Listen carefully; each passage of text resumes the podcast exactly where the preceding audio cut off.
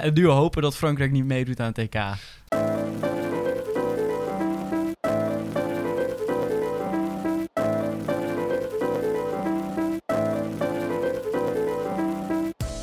Ja, lieve luisteraars. eh, dit is de Lief Witte Mannen podcast, aflevering 21. Ehm, ik ben hier vandaag met uh, Juri en met Krijn. En vandaag gaan we het hebben over koeps, staatsgrepen. eh, en nou, een klein grappig dingetje dat in Frankrijk blijkbaar aan de gang is. Ongeveer een week geleden, zes dagen, acht dagen geleden ongeveer, ehm, werd, er in, een, werd er in Frankrijk door een groep oude en actieve generaals een open brief geschreven aan de staat en met name Macron waarin ze de, de, ja, de slechte staat van Frankrijk beschrijven. Eh, en beschrijven hoe Frankrijk in een moreel verval aan het raken is. eh, omdat ehm, zij te veel ehm, nou de waarden van Frankrijk, namelijk die van egalité, liberté, fraternité, ehm, in, het, in, de wind gooien. eh, in ruil voor nou, tolerantie voor vooral nou, islamitische onderdelen binnen de samenleving die blijkbaar volgens hun tot echt een scheiding leiden. Opbreken van de Franse staat. En die generaals eh, die dreigen dus dat dit voor een burgeroorlog en een eventuele militaire coup zou kunnen zorgen. Eh, binnen Frankrijk zelf is het natuurlijk een heel snelle reactie geweest. Ehm, een aantal van die, eh, van die ehm, generaals die zijn al uit hun functie gezet of uit het leger ont- ontslagen. Ehm, en het lijkt me natuurlijk dat in een moderne democratie staat bedreigingen vanuit het leger op de rechtsorde eh, niet getolereerd worden. Dus dat zal eh, nou ja, wel weggekaatst worden. Maar het blijft ook een bijzondere, eh, een bijzonder nou, gebeurtenis. Al helemaal in, in Frankrijk. En wat vinden wij ervan, jongens? Nou Wat ja, een eh, we- prachtige mooie Ja, een inleiding. mooie monoloog. Was het een goed stukje tekst? Ja, voordat we daarbij beginnen hebben we ik volgens mij nog een rubriek die we moeten gooien. Zeker. Dat Krijn. is de rubriek Die opmerkelijk ik altijd nieuws. vergeet. Of Want Krijn is nu weer terug. Vorige En, week hebben we hem eh, even gemist. Dus ja. eh, neem je rol weer in graag. Ja, de- deze keer zoeken we het wat dichterbij. Dus we gaan even terug vanuit Frankrijk naar Utrecht. Waar ook alles van waarde weerloos is. Ik weet niet of je het gelezen hebt. Maar er, is een, eh, er was een mooi, eh, een mooi kunstwerk. Een e- ecologische trap in, eh, in Dat het centrum van dat al- Utrecht. dat, ja, dat ken ik inderdaad. aan de zeker. Singel. En, Achter het eh, Centraal Museum.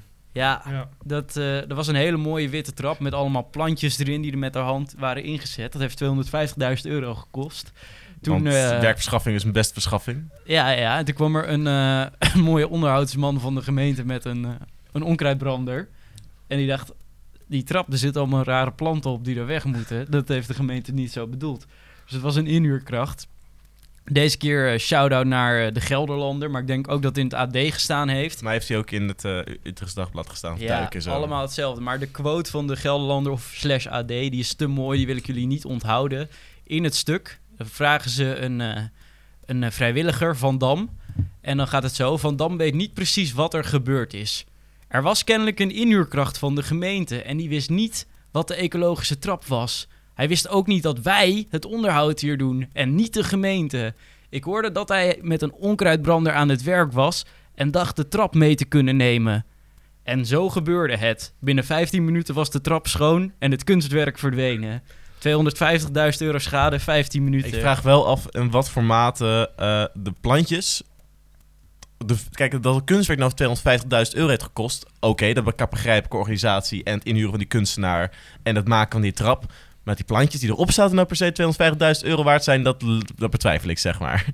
ja, Dat is zeker betwijfelbaar. Maar het gaat om het symbool. Ja, kijk, dat, dat je een kunstwerk van prachtig kunstwerk 250.000 euro verpest... is net zoals dat je, eh ik veel, de Mona Lisa misschien aanraakt... dan is een kunstwerk van 80 miljoen is, is, is verpest... maar je kan repareren voor tientje, zeg maar. Dus ik denk dat dit geval is dat het... het klinkt heel mooi... Ik denk dat het wel, ja, natuurlijk kost het zal wel, het zal wel 10.000 kosten gezien dat de gemeente erachter, erachteraan moet. En Mhm. die huren dan weer een, ehm, die, een kunstenaar in en die mag het lekker gaan doen. Ja, die gaat ook wel een lekker uurloontje aantikken natuurlijk. Ja, ja, ja, dat, eh, Is dat voor, wat voor jou, Raoul? voor niets gaat de zon op. Maar ja, wel, wel, wel een ontzettend waardeloos verhaal natuurlijk dit. en lekker dicht bij huis, dus dat is goed om te zien. Nou, eh, zeker, zeker. Zeker. Maar eh, ja, over koeps. We gaan deze aflevering nog even verder eh, eh, gijzelen. Want Zeker. Raoul, je bent vorige week jarig geweest. Op eh, Koningsdag nota bene. Als onze echte zonnekoning van de podcast. Amen. En eh, daarom hebben we ook een klein cadeautje meegenomen. Ik denk dat je er blij mee gaat zijn. Oh, tijdens de podcast ook nog Ja, wel. we hebben iets gevonden voor jou. Dat, Oh, nee. eh, Hiermee, Past eh, bij jouw, eh, ja, dit, dit, Persoonlijkheid. dit past goed ook bij je ontwikkeling. Is, het het, is is, een beetje... is het een voetbal of is het eh fact? eh, Vertel maar even aan de luisteraars wat jij nu in je handen Ik hebt heb, een, ik heb een blauwe deel, nee, eh, een, blauw, een, een blauw pakketje in handen. En dat heeft de vorm van een, eh, nou, een grote dvd-doos. Het is een beetje, het is een beetje, het is een zacht, zeg maar. Het, het- je kan het buigen. Het is een beetje, een beetje- ik weet niet wat het zou kunnen zijn überhaupt Maak eigenlijk. maar open. Ja, maak maar open. Hoor je ook echt lekker in de microfoon het geluid van het... ASMR. voor die luisterervaring. Ja. Voor die miljoenen luisteraars.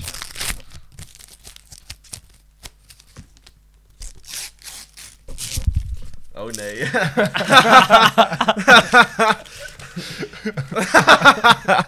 rich dad, poor dad. Ja, what, rich, what the rich teach their kids about money, what the poor and middle class do not. Ja, wij als de wij, eh, wij van Sumo Media, die wilden zorgen dat jij eh, iets meer jong entrepreneur mindset eh, aangeleerd kreeg. Dus daar hebben we het perfecte boek voor gekocht, Rich Dad Poor Dad van Robert Kiyosaki. In het Nederlands ook wel bekend als Rijke Pa, Arme Pa. Ehm, ja. Ik, ga niet meer, ik ga niet meer op foto, Jacob. Ik, ik, doe, ik, ik doe het supporters product. Maar je gaat het boek wel lezen. Ja, eh, volgende week in de podcast het, verwachten we eh, een eh, samenvatting van het, eh, het van het boek. grote letters, simpele tekst, heel simpel ah, dit- verhaal. Dit Zo, kan, in, eh, in, dit in notitieruimte. hè, Zo van, dit, kan binnen, dit kan binnen twee uur uit hoor, Raoul. En dan eh, zijn wij graag benieuwd wat jij geleerd hebt. van wat, wat is aan de kern? Eh, vermogen, vermogen, vermogen, vermogen. Nee, nee, Nee. Dit gaat over dat je, je moet dus assets hebben die je money in your pocket moet stoppen in plaats van liabilities die money out of your pocket Je eh, moet, halen. je moet gewoon vermogen hebben. Kapitaal, je moet er voor je Ja, ja, werken. dat moet je opbouwen, exact. Ja, je begint al te begrijpen, Raoul. Passief inkomen. En wat inderdaad de rijke mensen zo goed leren, eh, dat hoef je andere mensen niet te leren, is omdat rijke mensen hoeven het niet op te bouwen. Kinderen krijgen het gewoon. de Nee, arme nee, mensen, die nee, moeten nee. leren, die moeten opbouwen natuurlijk. Nee, nee, het boek is een leuk verhaal en dan ver- vergelijkt hij een, eh, de vader van een vriendje van hem waar hij heel veel mee chillt. En die is aan het ondernemen en die staat nog in het begin van zijn eh, onderneming. En die, eh, die gaat hun dan in het weekend allemaal lessen leren. eh, terwijl hij ze uitbuit en ze voor heel weinig geld laat werken in, eh, in zijn eigen supermarkt. Totdat ze eindelijk een keer hun mond open trekken. Want rijke mensen die komen voor zichzelf op en zo. Dat is een beetje... Het is nogal een narratief. Het is neoliberaal, neoliberaal eigen verantwoordelijkheidsverhaal in den top. Maar waarin Raoul, het, het geheel niet uitmaakt, omdat je in detail heb je een anekdotisch verhaal dat één man wel gelukt is. Dus dat is beleid. Nee, maar daarom grandioos. is het een perfect boek voor jou, want dan leer je ook een beetje Ik, anekdotes. eh, ja, dan, ik, eh, ik zal, ik zal, ik, op je ik zal hem lezen in een halve dag en dan eh, direct elkaar scheuren. Eh, maar in de podcast dan wel. Volgende week goed. kom je hier binnen als jonge entrepreneur. Dit entrepreneur, zeker. zeker, zeker. Al die linkse leugens, verworpen. Ja, al die macro, al die macro-economie, weg ermee. Micro, Zeker. Geld verdienen. dat moet je, dat moet je weten. Zeker, Ja. dat komt helemaal goed, Raoul. Fijn te horen, fijn te horen dat, mij, dat, dat ik in één boek mijn hele studie eh, in de wind kan slaan. Ja. Dat, eh, dan weet ik ook direct eh, waar ik mijn geld voor toebesteed heb. En niemand die dat boek ooit al aangeraden heeft. nou, bedankt jongens. Dit, eh, de Franse koepsins zijn, zijn, zijn geweken, zeg maar. maar vertel zonder koning. Zon- Zonder koning Raoul. Nee, maar we gaan even terug naar de Franse koep. Wat is nou precies gebeurd? Eh, niks nog. Nou, maar het begon zo. De oude stelletje oud-Franse generaals van in de tachtig waarschijnlijk. Met, eh, die hebben een brief geschreven over de ondergang van de Franse samenleving met de Franse waarden. Daarbij eh, is die brief ondertekend door ongeveer duizend militairen, waarvan een hoop oud-militairen zijn en sommigen nog actief. De actieve militairen, zoals Raoul al zei, die zijn dan eh, uit de functie gezet. Dus de daar- oud-militairen die kunnen ook, die, krijgen, die verliezen hun pensioen. Die- en die kunnen ook, eh, worden militaire, gaan voor de militaire rechter. Want die krijgt dezelfde, nou ja, ook al ben je kan, ooit, je kan ook nog opgeroepen worden in geval van oorlog voor actieve militaire dienst, vooral als generaal. Ehm, en dus die worden onder krijgsrecht worden ze ook eh, behandeld. En dat is, niet, niet, dat is een stukje strenger, zeg maar. En daar is, je mag dus ook als militair eigenlijk geen actieve po- politieke mening hebben. Juist om, nou ja, ook de geschiedenis die Frankrijk heeft met militaire coups, coups eh, nou ja, Mhm. tegen te gaan, zeg maar. Precies dit, zeg maar. Ja, maar de, de grootste naam die erop stond, die was al helemaal eh, uit alles ontheven. Door, sinds dat hij bij Pegida zat te demonstreren Ja, in en die heeft, ook, die heeft 2016. ook al in, in Calais heeft hij gestaan. eh, dat was dat, was ook geen vriendelijke jongen hoor, de vorm van, eh, van de huidige brief. Die, die heeft al een vrij extreme mening in het huidige politieke debat daar in Frankrijk. Dat kwam dus uit in, in het, in het eh, tijdschrift eh Valeur Actuelle. Eh, en het is al een heel rechts, eh, een rechts opinierend blad, zeg maar. in binnen Frankrijk met grote, met grote koppen erop. Dus het is niet heel verrassend. En het uh, nou, is ook onderdeel van de opkomst, ook Le, Marie Le Pen, die ontzettend goed staat in de peilingen. Um, hoe goed staat ze eigenlijk? Want ik heb daar echt mij geen is beeld zij, van. Is zij, staat zij echt 50-50 nu in Macron. En Macron is al echt zo'n coalitieleider, zeg maar. Die van, van links, progressief en rechtse kant, economisch rechtse kant dan zeg maar, uh, nou ja, net er tussenuit kwam. Maar je hebt ook dat, dat getrapte systeem van verkiezingen waar steeds minder... Um, uh, presidentiële kandidaten overblijven. Nee, maar, maar in Frankrijk heb je verkiezingen van twee rondes, zeg maar. Je hebt ronde Ja, 1, dan mag iedereen meedoen. En in eh, de, de twee hoogste van ronde 1, die mogen daarna naar ronde 2 toe. En in ronde 2 is het 1 tegen 1, zeg maar. En dan is het wie kan de absolute meerderheid eh, krijgen van de stemmen. En die wordt dan president. Dus heel veel van die stemmen die aan het begin bij een net iets verliezendere kandidaat zitten. Het, hele systeem zit om tactisch stemmen heen gebouwd, zeg maar. Het is heel duidelijk zichtbaar uh, ja, wie er het grootste is in de eerste ronde. En daar trekken dan strategisch mensen naartoe. Maar uh, Macron die begon met best wel hoog. Ik heb even zijn approval ratings opgezocht. Die begon met echt approval ratings van rond de 60%. Maar uiteindelijk heeft hij, heeft een dieptepunt ervaren van uh, 35%. En nu zit hij ergens weer onderin de 40% in de approval ratings. Uh, ja, hij zit nu hij is, dus 60, hij is wel weer een hij is beetje... 60% disapproval. Ja. Maar, maar voor een Frans president was het nog vrij hoog. Want Hollande eindigde met 15% approval rating. ja. Dus dan, je kan het ook niet heel goed doen. En als je naar een Sarkozy krijgt, dat is ook geen lieve jongen geweest uiteindelijk. Nee, Die was uh, wel populair, had ik het idee. Wel populair, Zoals het nu staat sinds november eigenlijk, uh, heeft Le Pen uh, Macron ingehaald uh, qua voorspelling als, als, als grootste ka- presidentkandidaat, zeg maar, voor 2020. Uh, en dat is dan met een aantal andere mensen er ook bij. Dus Macron staat op 25% en Le Pen op 26%. Um, nou, het is ook Front Nationaal nu ondertussen in plaats van ja, ze heet nu uh, anders, hè? Randas, rondes. Uh, Rassemblement. Oh, sorry, Rassemblement Rassemblement Nationaal. Nationaal, dat is hem geworden. Dus het is wel interessant om wat te zien. Uh, vooral omdat, nou ja, natuurlijk onder Macron en Merkel uh, waren hun met z'n tweeën natuurlijk wel echt de, de voorvechters van Europa. En voor een sterker Europa, een sterkere Europese integratie ook. Dus het is nou ja, natuurlijk wel beangstigend om dat te zien. Die, maar, die, nou maar, maar het ding is van Le Pen. Le Pen heeft wel geleerd voor 2017. Want toen is ze verloren op het punt over Europa ook juist. Want Macron werd toen ook al gezien als een grote voorvechter van een pro-Europees beleid en een pro-Europees Frankrijk. En Le Pen had heel erg het standpunt ingenomen als een soort anti-Europa, anti-euro, anti... Uh, pro, pro-Europa, zeg maar, anti-Europa beleid. En daar is juist de verkiezing op verloren, is En haar idee geweest. Nu is ze meer een soort van Europees nu nationalistisch is, nu is ze een geworden. beetje Europees ja, maar dat is, dat is natuurlijk een van fascinerend iets. En ook, Maar ze is wel pro-Europa. Ze zegt nu niet meer, we moeten de euro uit, we moeten Europa, de EU uit. het is ook Ze heel- is heel- wel... Ja, het is, wel het is wel grappig, dat soort van eh, multicultureel Euro- eh, nationalisme, maar het moet wel binnen de westerse beschaving zijn, zeg maar. Ja. Want die claimt Ja. natuurlijk vaak van superieure Franse cultuur is in het idee van het is een westerse Europese beschaving, maar alleen maar de Franse, zeg maar. En nu uiteindelijk eigenlijk is het niet meer hypocriet en is het pan-Europees. Nou ja, ik vind het toch wel interessant. Maar waarom dus eh, ingaan op de, de, ook wel een beetje de geschiedenis die die Fransen hebben met deze staatsgrepen. Eh, en waarom die reactie best wel heftig op is. Er is al een heel lange traditie eigenlijk binnen de Franse politiek eh, en vooral binnen de lege leiding eh, van rechtse semi-staatsgrepen. Ehm, en je hebt sowieso in, helemaal terug, eh, rond 1880 heb je de Dreyfus-affaire, waarin extreem rechtse Franse legerleiding een Joodse, een, een, een- Joodse corporaal of major uiteindelijk eh, wist weg te werken en wist te, op, eh, en wist te set-uppen zeg maar, als eh, spion voor de Duitsers. Dus dat is een van de grootste affaires geweest in, de, van de Franse geschiedenis.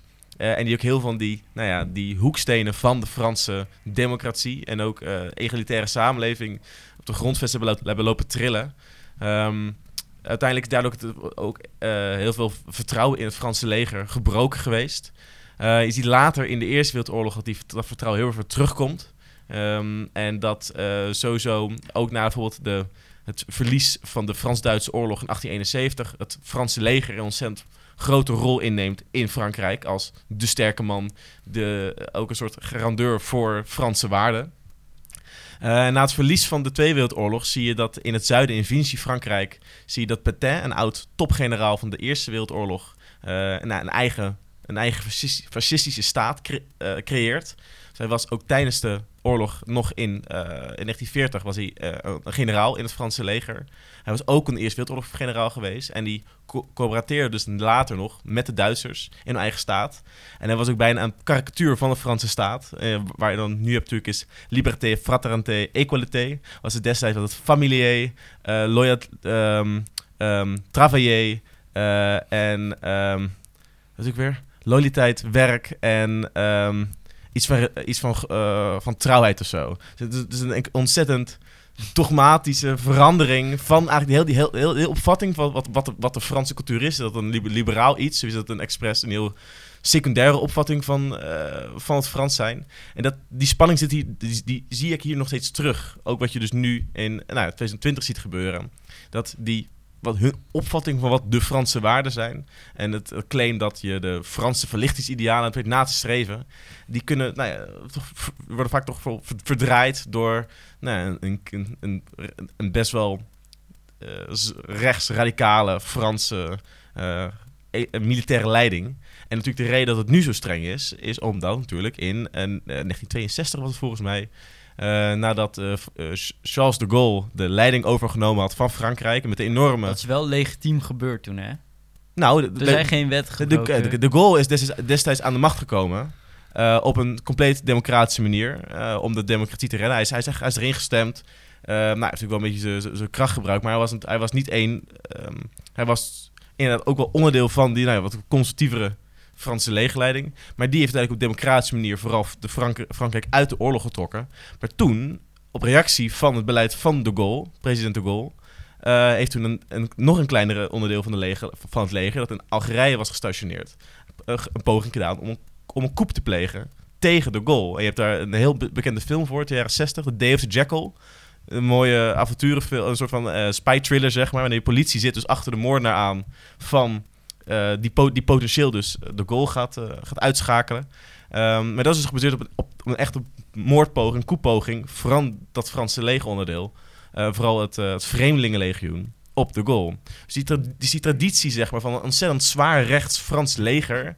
dat een heel eigen opvatting heeft van wat de Franse nou, revolutie en liberale waarden betekenen. eh, en die dat eh, op een bepaalde manier eh, ook ziet als de beschermer van die traditie. En zich ook ook opdringt ehm, tegen democratisch bestuur in om die te handhaven. Maar, of het, eh, het bredere probleem dat er het leger een aantrekkingskracht heeft op eh, enigszins rechtsextremistische mensen, dat is volgens mij niet alleen een verschijnsel waar Frankrijk Nee, maar daar, mee te dealen daar waar je in. Nederland hier ook last van. Ja, en in Duitsland En in ook. Duitsland nog veel erger hebben ze daar last mee. Daar, Dat is daar, zeker waar. daar zijn zelfs sommige militairen die doen daar nog de Hitlergroet als... eh, als Inderdaad, eh, dat is natuurlijk- Dat geven ze nog binnen, binnen hun kringen, zeg maar. Dus dat is nog een hele aparte sfeer, Maar- hangt daar binnen zo'n legergroep. Dus, dus, dus is natuurlijk zo, de, de, de. Franse, het Franse leger heeft toch ook een bepaalde mate van autonomie. Dat eh, in eh, legers zoals vooral Duitsland, waar er ontzettend dikke eh, politieke controle is op het leger. wat daar dus niet het geval is. En wat is in Frankrijk sn- eerder gebeurt, omdat het een veel autonomere organisatie is. Ehm, en nou ja, toch een, ook een, ik een traditie natuurlijk. Is een traditie die een ervaring, die zo'n organisatie meemaakt, die weet je nooit uit te stampen. En die blijft toch vaak wel in. Een soort, een, een soort, eh, eh, een soort tendens van wat er mogelijk is en wat voor dingen eh, wat je meegemaakt hebt. En dat zijn dingen die eh, in Noord-Europese legers in ieder geval minder aanwezig is. Maar natuurlijk ook Duitsland. Wat is, wat is het Hitlerregime anders dan eh, ook een alliantie tussen een, een rechtse populistisch leider en ook het leger, die uiteindelijk zijn steun moest geven aan het regime om het mogelijk te maken. Dus ja, maar ik, wat ik zelf denk in Frankrijk, dit gaat niks worden. Je gaat, je gaat een heel raar systeem krijgen. Net als de koepoging in, in, in Turkije. eh, in 2014 was dat volgens Ja, mij. 2016 dacht ik. Daar, daarover zijn ze toch nog steeds niet uit of het niet gewoon een spel was van Erdogan. Ja, maar dat, Dat, is, is zo, dat is nooit opgelost geweest, want eh, het was heel raar. Het was een soort halve koepoging van de, van de luchtmacht gedeeltelijk. nou, een deel van het leger, een En- aantal divisies, die, eh, de, die, maar vooral ook lage legere eh, eh, officiers, eh, die deden daaraan mee. Maar nog veel meer dan Frankrijk heb je, als een traditie, zo'n tendens van het, het, het, het, het, voeren, het voeren van een coup om een bepaalde republikeinse waarden te, in stand te houden, is toch helemaal, is veel meer het geval in Turkije. Turkije heeft in de laatste 80 jaar, 60, 70 jaar eh, eh, meerdere, vele koepogingen gehad. Misschien wel richting de 10 of zo. Eh waarin elke keer nou, de legerleiding claimde ehm, de, de, de, de, de waarden zoals die van de Turkse Republiek geopperd waren door Atatürk.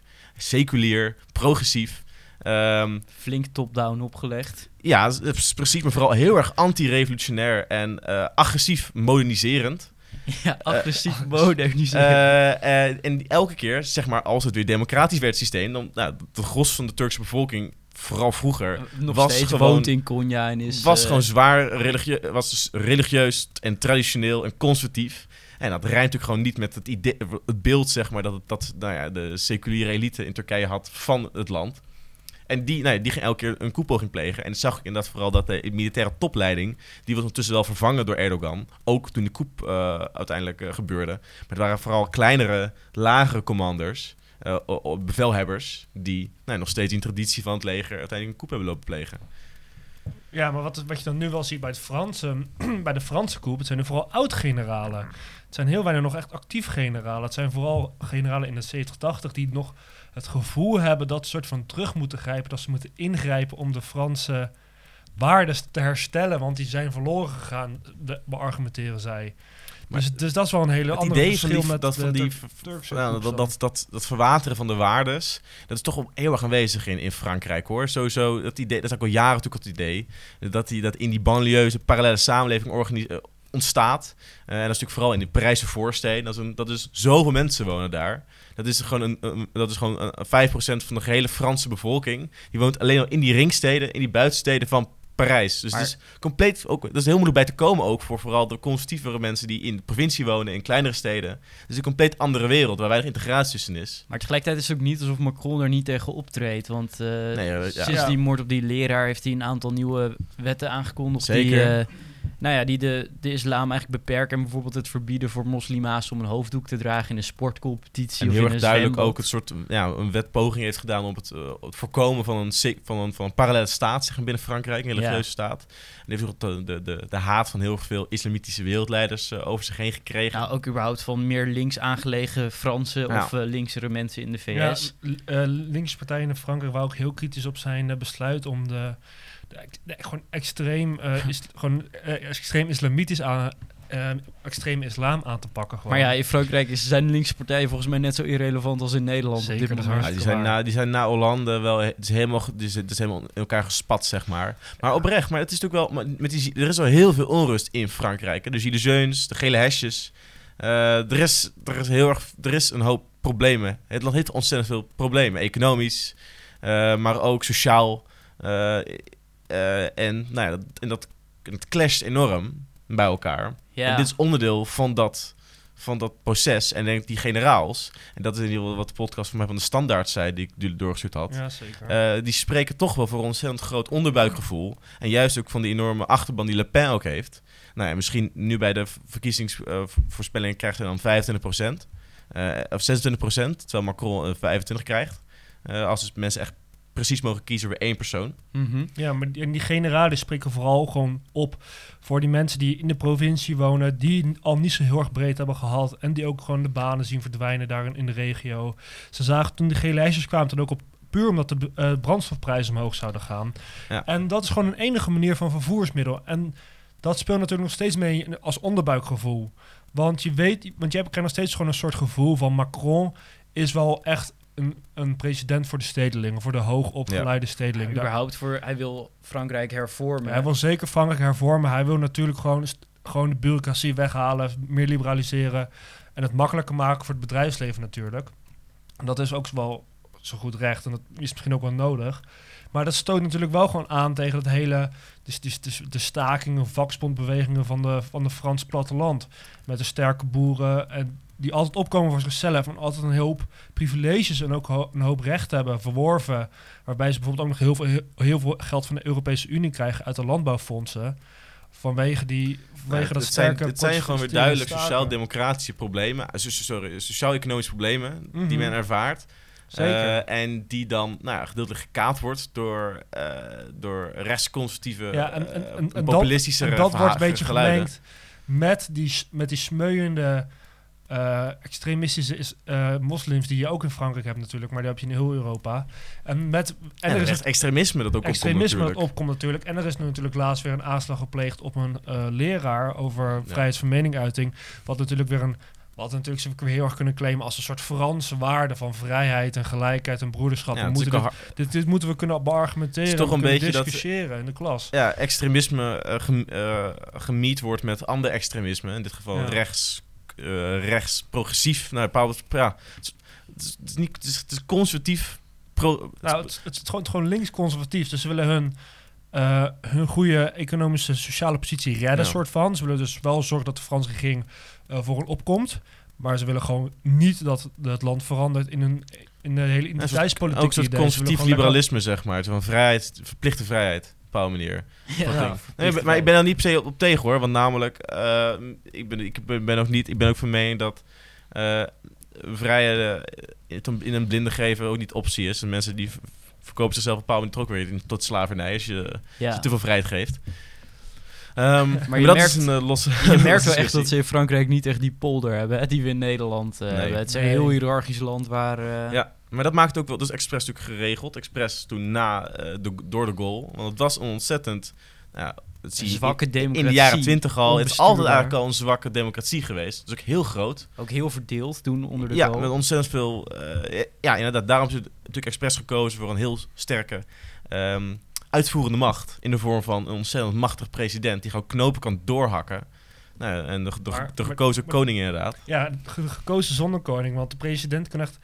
Bijvoorbeeld de laatste premier, Macron was een beetje oneens met zijn premier. Die was te populair aan het worden in zijn gezicht. Dus die premier deed heel goed op de, op, in de coronacrisis, heeft hij goed gehandeld. Hij begon te populair te worden. Dus er waren geruchten dat de premier eh, de presidentkandidaat zou kunnen worden. En toen heeft hij hem eigenlijk gewoon gelijk ontslagen. En heeft ze weer een nieuwe saaie, nieuwe bureaucraat aangesteld. Zodat Macron weer zo van eigen boost krijgt. Het is echt een Ja, gekozen hij is- zonder hij- is Het is ook echt zo'n beetje een Sovjet-achtig verhaal. Waarin hij dan, net zoals Beria, toen Stalin omvergeworpen werd. Die in de tijd de macht had tussen Khrushchev en Beria. Is Beria uiteindelijk weggegooid. Niet Beria niet. Nee, een andere eh, opvolger, Ja, zeg maar. Is uiteindelijk weggezet als directeur van een, van een, water, van, van een waterkrachtcentrale ergens in Kazachstan. En is de oud. Eh, premier inderdaad is burgemeester geworden van Le Havre. Een heel lelijke havenstad. Ja, dat, ja, dat, dat is er gebeurd. Ze hebben gewoon... Als je, als, je, als, je te veel, als je te veel spot met de zonnekoning, dan word je burgemeester Van van, Le Havre. een verloren stad in een godvergeten land. Ja, het Maar- is, en- en- IJmuiden. IJmuiden. Ja, ga maar zitten daar. Of Delfzijl mag ook wel zitten als burgemeester. Nee, maar het ding is meer... Gewoon die, het is een hele bijzondere democratie. hebben ze ook gewoon bijzonder zwak. Want Macron kan ook in één keer het parlement wegsturen als hij het zat is. Je maar kan gewoon zeggen, we gaan gewoon nieuwe verkiezingen. Ik wil nieuwe mensen laten die mij gaan controleren. Ah, ja, het is, het heel- hoe- het is, het is nog veel krachtiger systeem dan het Amerikaans systeem. Want De president eh, die heeft Amerika te veel macht. Maar in, in- ja, Frankrijk misschien nog wel meer. Omdat die, die heeft misschien, hij heeft misschien minder van die executive powers dat hij dan... ehm, ehm, zoals, zoals Obama veel deed en, en Trump en nu ook Joe Biden... dat hij dan op zijn eigen naam gewoon eh, een executive order kan zijn, zeg maar. Ja. Dat kan hij van mij minder, maar hij kan wel veel meer macht inoefenen op het democratische proces, zeg maar. De manier hoe dat rondgeschoven wordt. En je ziet ook eh de manier hoe ook de, de tweede, een parlement, een parlement gevuld wordt en de Senaat. Is dat bijna altijd de regeringspartij ontzettend grote meerderheden heeft. Omdat er toch een gedeeltelijk first pass, ik weet niet precies wat het systeem is daar. Maar Ja, het is zo ingericht. districtenstelsel volgens Ja, mij. het is zo ingeri- ingericht dat je al gewoon dikke meerderheden, meerderheden hebt. Dat er eigenlijk bijna nooit eh, een noodzaak is om, als je eenmaal premier, president bent, om dan nog eh, in coalitie toe te gaan met, met iemand. Omdat jouw partij, en dat zie je met Marche, de partij van Macron, dat is, dat is helemaal geen, dat is, dat is geen partij. Dat is gewoon een collectie ja-knikkers. Weet je, Maar Rita dat is- Verdonk, ja voor eh, Trots op Nederland. Maar die eh. partij bestaat ook pas eh, vier jaar of zo. Toen Ja. hij aantrad, Ja, was de nieuwe nieuwe partij. Toen heeft hij allemaal nieuwe mensen geronseld. Die- die, van elke Ja. partij afkwamen. Ja, Macron moest gewoon tijdens de presidentsperiode, dus eerste, eerste termijn, moest hij eigenlijk nog een partij gaan oprichten. ook. Ja, inderdaad. Dus toen tijdens het vormen van zijn partij heeft hij gewoon allerlei partijen van allerlei mensen gewoon een beetje, een beetje van de arbeiderspartij weggeplukt, een beetje van de die liberalen kende die nog van zijn studie, eh, van die school die hij gesloten Ja, heeft.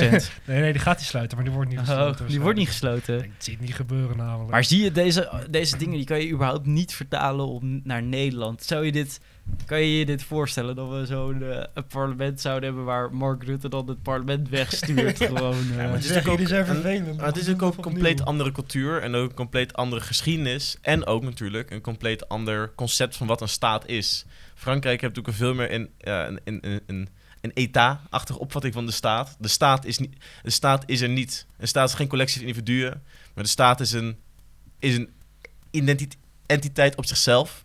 Waarin het het, einddoel het gewoon. collectief, zeg maar, van de bevolking als doel heeft, of in ieder geval, ja, eh, ja het doel heeft die nationale staat, eh, die een ultieme gewaarwording is van het, van, van, van, het, het doel van de geschiedenis, zeg maar, om die samen te brengen.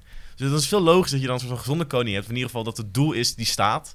En dat je de macht ook veel belangrijker is. En dat ook zeg maar de macht van het land. En dat je dat effectief kan toepassen. Ook veel belangrijker is. Ook gezien omdat ze oorlogen verloren hebben. En daar zijn de Fransen steeds zuur onder. Ja. Weet je, ik heb wel... Ik zie wel een, eh, een kans voor Nederland. Want als ondernemers moet je altijd kansen zien ook. En weet je wat... eh, weet je wat voor kans ik zie hier? Ik hoop namelijk dat er een kleine burgeroorlog uitbreekt... waarbij er niemand sneuvelt. Maar dat er wel een conflict is. paleiskoep. Ja, zoiets. Dat er effectief niks aan de hand is, maar dat Macron een dag vastzit. En dat de UEFA dan zegt van... Zoals ze dat wel eens bij Joegoslavië gedaan hebben. UEFA. Ja, de UEFA voor het EK. Dat ze, zeggen, dat ze zeggen landen die in burgeroorlog zijn, die, die mogen niet meedoen aan het EK. En dan mag Frankrijk niet meedoen aan het EK.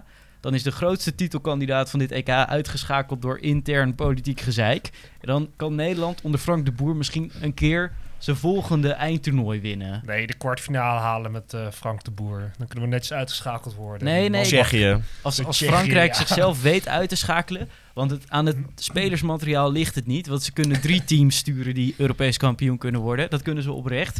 Maar ja, als ze het nou intern even ruzie krijgen.